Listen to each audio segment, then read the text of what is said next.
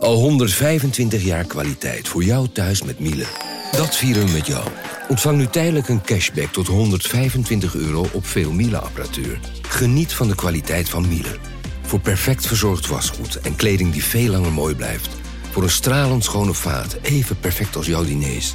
En een stofvrij thuis waarin echt hygiënisch schoon de standaard is. Check miele.nl voor alle feestelijke aanbiedingen. Hey podcastluisteraar. Ook op zoek naar een relevante invulling van je schaarse luisteruren? Tune dan in op de podcastserie ESG, even samengevat van BNP Paribas. Wij, Marloes en Aldert, spreken daar duurzame voorlopers en wereldverbeteraars. Waarover dan? Nou, bijvoorbeeld of we ooit duurzaam kunnen gaan vliegen. En waarom koeien in de stad nou een goed idee is? Dat en meer elke twee weken in een nieuwe aflevering. Dus abonneer je. ESG, even samengevat.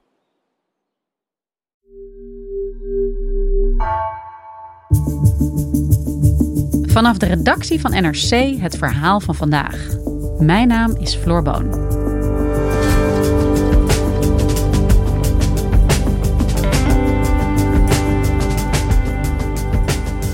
Een kind van lager opgeleide ouders heeft een kleinere kans om op het VWO te belanden dan een kind van hoger opgeleide ouders, al zijn ze even slim.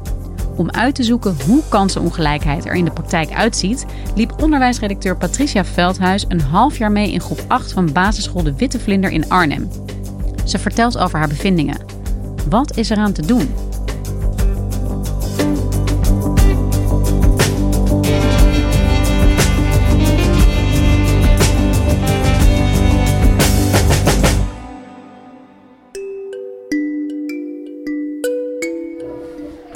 Gaan we nu naar de leraarkamer? Ja, dat Komt dit op Spotify? Op ja. Patricia, jij schrijft over onderwijs en je hebt een prachtige serie gemaakt op een basisschool in Arnhem. Uh, daarover is de afgelopen maanden te lezen geweest in de krant. Wat heb je precies gedaan? Ja, een half jaar lang, zeven maanden intussen al, uh, heb ik uh, meegekeken in groep 8 van meester Berry. Een leerkracht aan basisschool De Witte Vlinder in Arnhem. En ik heb dat uh, gedaan omdat ik wilde kijken hoe kansenongelijkheid in het onderwijs werkt. Oké, ladies and gentlemen, dames en heren, wij uh, gaan even aan onze tafel zitten. Heel goed, bijna iedereen. Het is niet alleen aan onze tafel zitten, het is meteen alle ogen naar mij. Berry van de Bovenkamp is al 14 jaar leerkracht op de Witte Vlinder. En hij is een hele bevlogen leerkracht. En met vooral heel veel ervaring op wat dan heet scholen met een zware weging. Ja, een zware weging, wat is dat? Ja, dat is een norm die wordt gehanteerd in het onderwijs. Dus elke school in Nederland heeft een score van tussen de 20 en de 40. Dan wordt er gekeken naar opleidingsniveau van de ouders, het inkomen, of er schulden zijn, uh, of er sprake is van uh, migratieachtergrond. Op basis daarvan wordt een, ja, een score gemaakt. En de Witte Vlinder is een school met een score van 38,1. Dus dan heb je een zware weging, zoals dat heet. En wat is dat verder voor een school, even behalve dat de school een zware weging heeft? Het is klein. Er zitten iets van 150 leerlingen op, verdeeld over acht uh, groepen. Het is een team van 12 leerkrachten.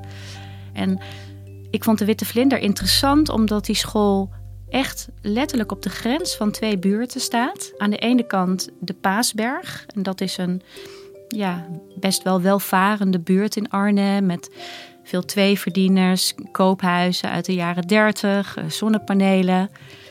En aan de andere kant van de straat uh, ligt de Geitenkamp. En dat is van oudsher echt een arbeidersbuurt, een volksbuurt uh, in Arnhem.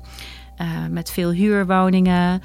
Uh, een hele, hele gezellige wijk ook, maar ook met stukken ja, waar veel mensen wonen met grote sociale problemen. Kinderen die uh, uh, in, op de geitenkamp wonen, zijn kinderen uit, vaak uit gebroken gezinnen. Kinderen die het thuis heel erg lastig hebben. Kinderen die kansarm zijn. Kinderen die s'avonds op straat lopen, die dan eigenlijk op bed moeten liggen. Kinderen die zonder eten op school komen. Kinderen van de geitenkamp gaan eigenlijk bijna standaard naar de witte vlinder. En wat ik zag is dat uh, eigenlijk alle grote problemen in het Nederlandse onderwijs daar samenkomen. Uh, het leraartekort, de segregatie binnen het onderwijs, kansenongelijkheid die daar weer mee samenhangt. En wat ik van tevoren niet had kunnen weten, is dat in de tijd dat ik daar rondliep, de onderwijsinspectie langskwam om de school te beoordelen. En dat de school vervolgens het slechtste oordeel kreeg wat er te krijgen is, namelijk zeer zwak.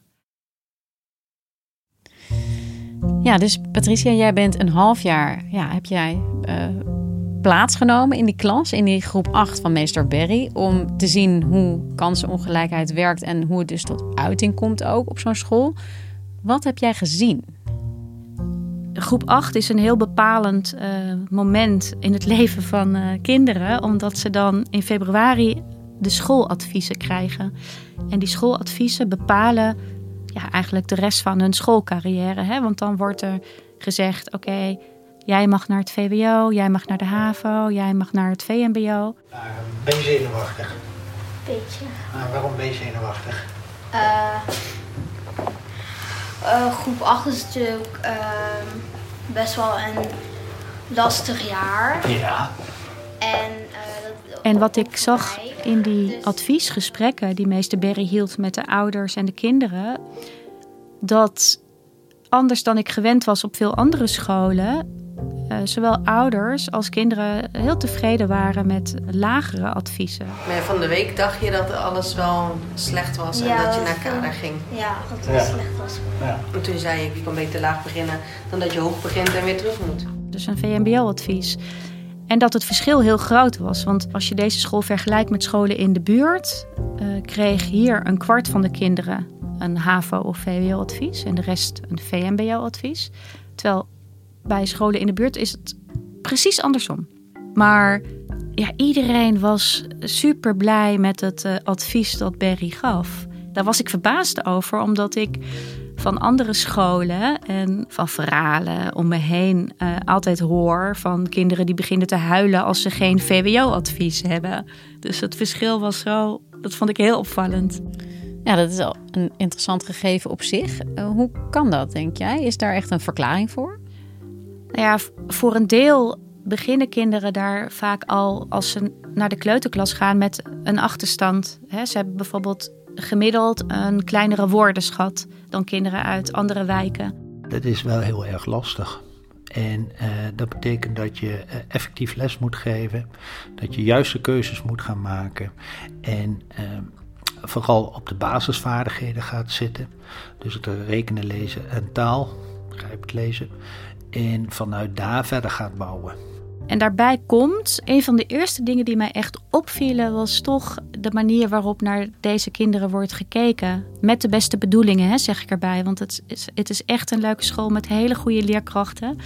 En toch treedt er een mechanisme op dat eh, leerkrachten geneigd zijn om kinderen van ouders die lager opgeleid zijn of niet gestudeerd hebben, om die lager in te schatten. En dat zag ik hier ook. Eh, namelijk, dit gebeurde. Hey, eh, vandaag. Een beetje een, eh, een dag waarvan ik dacht van, oké, we hebben de hele tijd hebben we toegewerkt naar wat? Hebben we naartoe gewerkt? Naar de CITO. De schooladviezen hè, die werden gegeven, die bleken achteraf lager te zijn dan de CITO-toets, hè, de verplichte eindtoets die alle groep 8 kinderen later in het schooljaar maken. Dat waren dan dus toch niet helemaal passende adviezen. Nee, dat klopt. Eh, er waren acht kinderen van de 21 die echt een eh, hogere CITO-score haalden dan hun eh, schooladvies. Wat denk je? Heb je goed gedaan? Ik denk wel dat ik het goed heb gedaan. Ja, ik denk ook dat je het goed hebt gedaan. Sterker nog, ik ben trots op je. Je wat voor score je hebt? Ja, je hebt 536 jongen. Ja. Ja. Fantastisch. Zullen we eens even kijken? Oké, daar ben ik wel heel erg blij mee. Ja, natuurlijk. Pak even mijn koffie. Daar ben ik even blij mee. Nou, de klas heeft dit jaar echt ontzettend eh, goede CITO-score gehaald. 534,8. Dat is bijna op het landelijk gemiddelde. Dat is 535,2. En dat heeft wel voor een heel groot deel met meester Berry te maken. Omdat hij is echt gaat trainen voor de CITO-toets.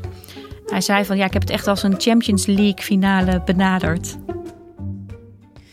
Ja, en je beschrijft Barry als een hele bevlogen uh, docent. En zo komt hij ook over in de verhalen die je hebt geschreven. Tegelijkertijd uh, zag je dus ook dat hij uh, best wel wat kinderen lager had ingeschat dan dat de CITO-score uitwees.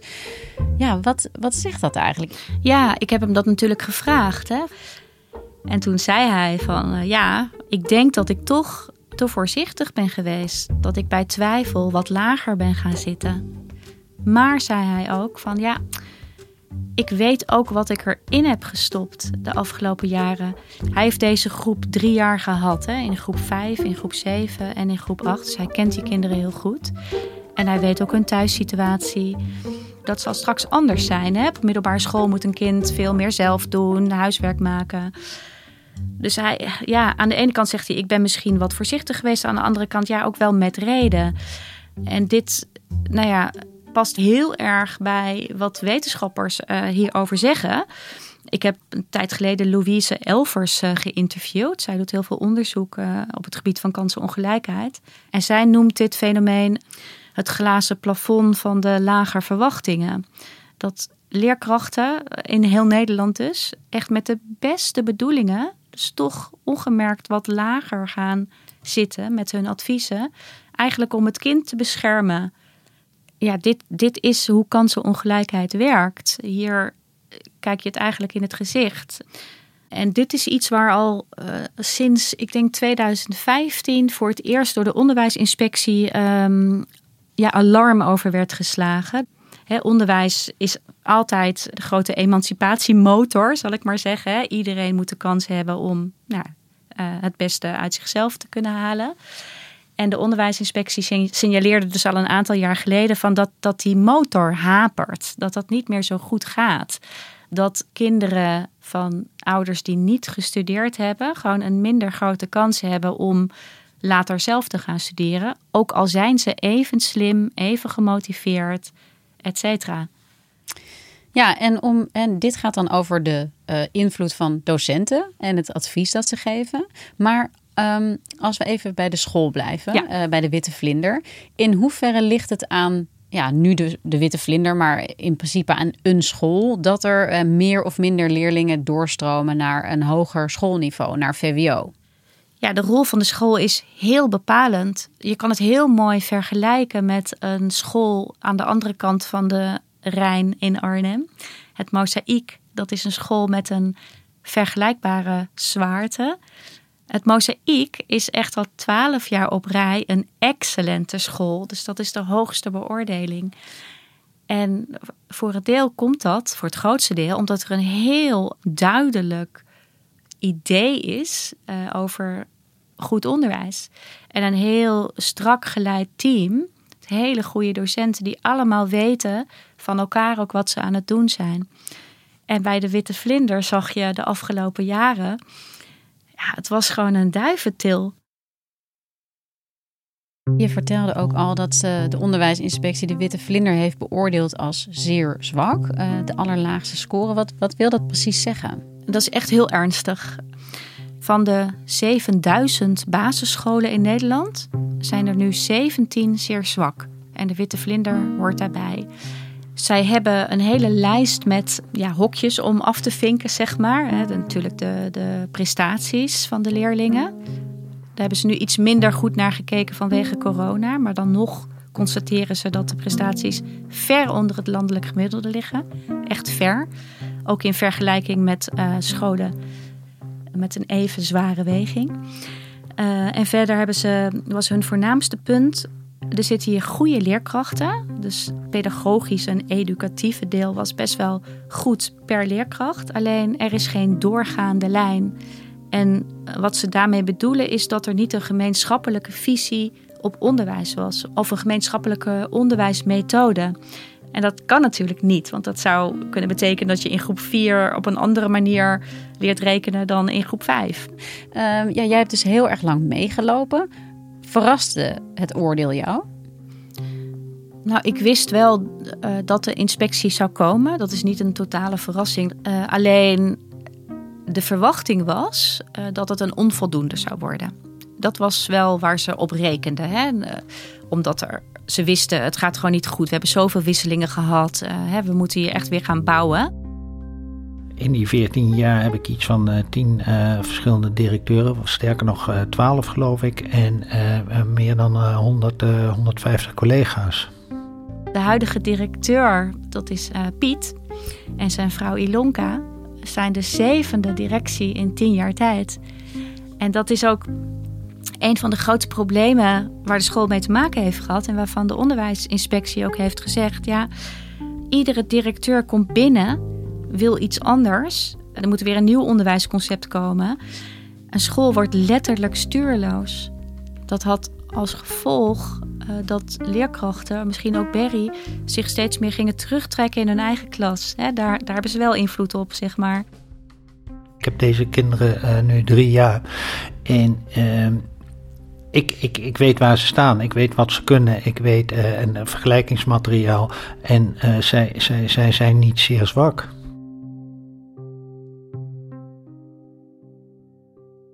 En hoe komt het dan dat op een school als de Witte Vlinder in dit geval het niet lukt om ja, de potentie van al die individuele kinderen naar boven te halen? Om ze ja, tot in het beste van hun kunnen op te leiden? Ja, is wel een beetje de hamvraag. Hè? Dat um, uh, is de vraag die Berry mij ook stelde in februari na de adviesgesprekken. Hij zei: Denk jij dat dat ze het anders zouden hebben gedaan op een andere school. En waarmee ik ook uh, op pad ben gegaan, waar ik met heel veel mensen over heb gesproken. En het korte antwoord is eigenlijk ja. Maar het is een hele kluwen van factoren die meespelen. En dat begint dus toch wel met die verwachtingen. Hè? De meeste mensen zijn het erover eens dat je de lat beter hoog kan leggen voor kinderen. Er is ook een stroming die zegt: ja, dat schooladvies, laten we eens beginnen met dat veel later in het leven van een kind te leggen. Omdat zeker kinderen van lager opgeleide ouders of uh, kinderen met een migratieachtergrond die de taal nog niet zo goed kunnen spreken, hebben echt dan langer de tijd om ja, zich te ontwikkelen. En wat ook meespeelt is die hele sterke segregatie in het onderwijs. En dat is een hele moeilijk om op te lossen, omdat die zo verweven zit in de maatschappij. Met hoe wij wonen, hoe we op vakantie gaan, bij welke voetbalclub we spelen. Mensen komen elkaar niet tegen. Terwijl kinderen die hebben heel veel baat bij kinderen die wel met een grotere woordenschat naar school komen. Zij gaan dan echt een niveau hoger bijna. Terwijl, dat is heel grappig, want ouders denken altijd: oeh, ja, maar dan gaat mijn kind achteruit. Dat is dus niet zo. Ja, en uh, dat oordeel van die commissie kwam dus heel erg hard aan bij dat team. Heeft dat dan nu ook gevolgen? Hè? Zijn mensen echt gedesillusioneerd geraakt? Nou, het team is zeker niet gedesillusioneerd. Want er hangt nu ook wel een sfeer van... we gaan de schouders eronder zetten en er iets van maken. Om te zorgen dat we volgend jaar weer een voldoende halen. Alleen er gaan wel een aantal leraren uh, ja, vertrekken. Meester Jaap, meester Irma en ook meester Berry. Meester Berry gaat ook weg. Meester Berry gaat weg. En, en, en dit is iemand die jij ook heel erg hebt geportretteerd als een man met groot hart voor de school waar hij werkt. Waarom gaat hij weg? Eigenlijk om twee redenen. De eerste is, hij zit al heel lang op de Witte Vlinder, 14 jaar. Dus eh, hij vindt het ook echt tijd om weer iets anders te gaan doen. Hij gaat naar een andere school. Maar er komt wel bij dat hij het niet helemaal eens is met de visie van de nieuwe directeur als het gaat om het onderwijs. En Patricia, hoe was het voor jou om zes maanden rond te lopen op deze school? Wat heb jij daar geleerd? Ja, wat ik het meest bijzondere vond, is dat ik toch hier zag gebeuren wat ik al kende uit nou ja, de wetenschappelijke literatuur en de interviews die ik heb gehouden met uh, hoogleraren over kansengelijkheid. En als je het dan zo van dichtbij ziet, dan ja, je snapt het beter. En het heeft mij ook wel aan het denken gezet. Want ik ben ook wel veel bij mezelf te raden gegaan van ja, waarom is het eigenlijk zo erg? Vind ik dan eigenlijk ook dat ieder kind uh, naar het VWO zou moeten? Uh, nee, dat vind ik natuurlijk niet, even gechargeerd. Maar ik zag wel weer dat in mijn hoofd ook wel die drang zit die heel erg in onze maatschappij zit. Van uh, hoog, hoger, hoogst. Hè? Iedereen wil en moet naar de universiteit. En, hoger is beter. En hoger is beter. Terwijl, nou ja, daar heb ik het ook veel met meester Berry over gehad. Van ja, als je ketel kapot is, zegt hij, ja, dan heb ik niks aan een professor, maar wil ik gewoon een goede monteur. En, en hè, daar moeten we ook mensen voor opleiden. Het is alleen, en dat zei Piet, hè, de directeur, een keer heel mooi. Toen we op het schoolplein stonden, van weet je, hier lopen allemaal kinderen rond. En er zit een raketgeleerde tussen. En er zit ook iemand tussen met een IQ van 60. En de kunst is, en de plicht eigenlijk van een school, is om ieder kind te zien en te zorgen dat die raketgeleerde raketgeleerde kan worden. En dat kind met een IQ van 60 ook op zijn of haar manier ja, het beste eruit kan halen. Dus uh, volgend jaar ga jij terug om te kijken hoe het is afgelopen. Ja, ik denk het wel. En nu, in deze laatste week, er is een eindmusical, neem ik aan, van groep 8. Ja. Ga je daar naartoe? Zeker weten. Ik speel de zoon van de boef, die uiteindelijk de show gaat redden, soort van. Ik moet de pruik en een jodeljurkje opdoen. Ik moet ook gaan dansen op het liedje, op het liedje Jodel Hatsi. Ik kan hem intussen dromen, want ik ben bij heel veel repetities geweest. Dus uh, woensdagavond, 7 uur. Hoe heet de musical ook alweer? Wie stilt de show?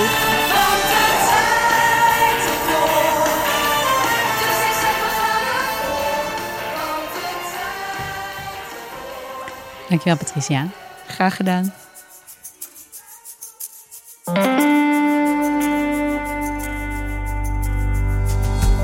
Je luisterde naar vandaag, een podcast van NRC.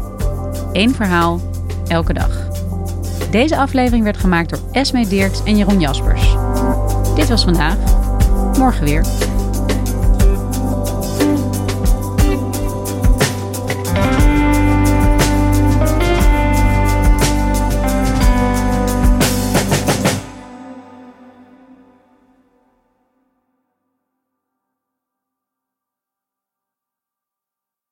Technologie lijkt tegenwoordig het antwoord op iedere uitdaging.